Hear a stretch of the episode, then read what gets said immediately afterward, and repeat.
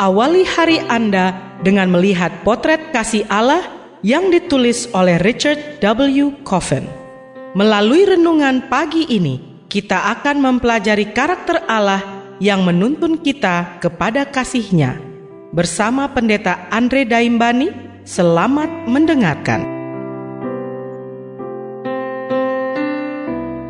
Shalom, selamat pagi saudaraku.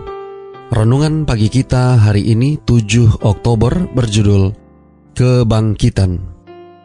Ayat intinya diambil dari 1 Korintus 15 ayat 52. Demikian firman Tuhan.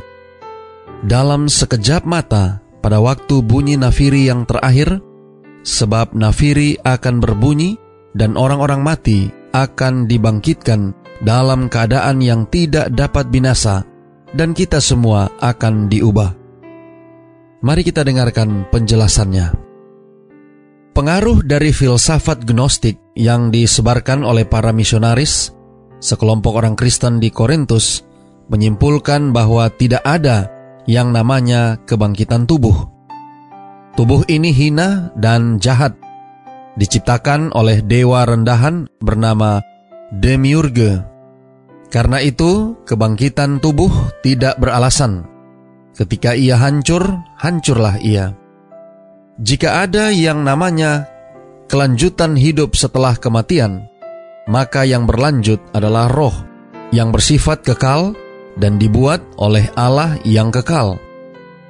Pada saat kematian, roh akan terbebas dari tubuh dan bersatu dengan roh-roh lain yang telah terbebas di surga. Paulus memiliki berondongan argumentasi dan penjelasan yang ditujukan kepada mereka untuk menangkal teologi mereka yang salah arah tersebut, atau lebih tepatnya, antropologi. Pertama, bagian terpenting dari Injil yang diberitakannya dan diterima oleh mereka, yang dicatat dalam 1 Korintus 15 ayat 1, adalah bahwa Yesus telah disalibkan, mati, dan dikuburkan dan bangkit kembali.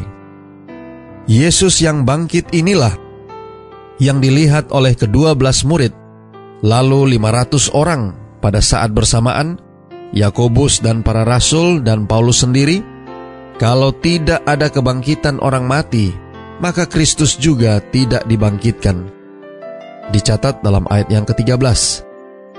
Kedua, jika Yesus masih terbaring di makam Yusuf Arimatea, maka pekabaran yang dilakukan oleh Paulus sia-sia.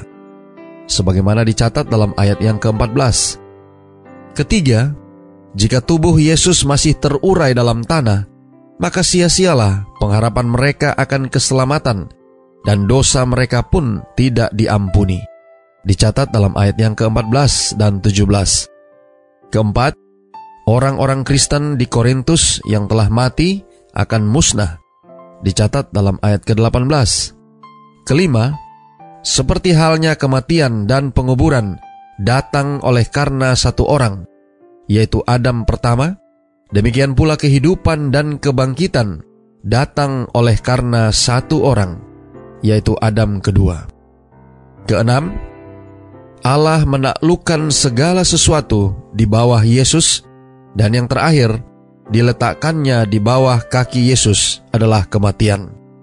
Dicatat dalam ayat yang ke-26 dan 27. Ketujuh, kebiasaan mereka yang aneh untuk dibaptis bagi orang mati.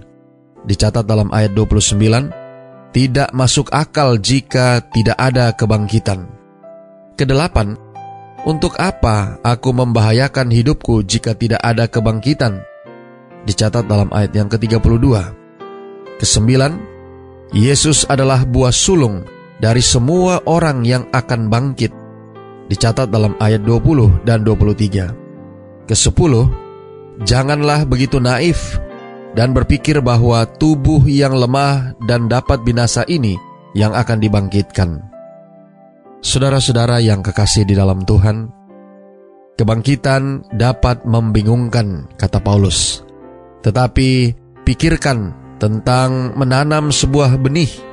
Benih yang mati tidak menampakkan bentuk tanaman yang hidup dan bangkit dari dalam tanah.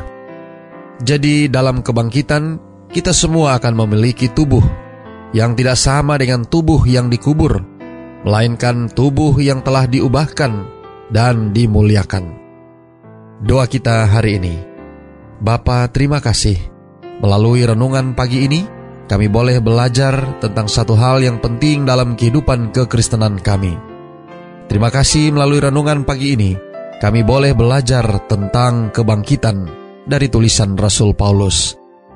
Tolong kami hari ini Bapa, biarlah dengan pertolongan kuasa roh kudusmu, kami boleh disanggupkan untuk boleh dapat memiliki pengharapan akan kebangkitan bila mana engkau datang yang kedua kali akan boleh menjadi satu jaminan pengharapan bagi kami bahwa kebangkitan itu benar adanya.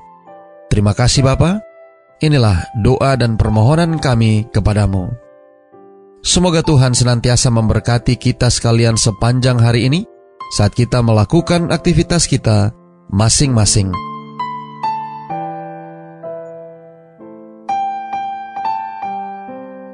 Demikianlah tadi pembahasan tentang potret kasih Allah.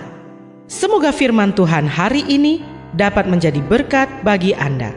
Sampai jumpa, Tuhan memberkati.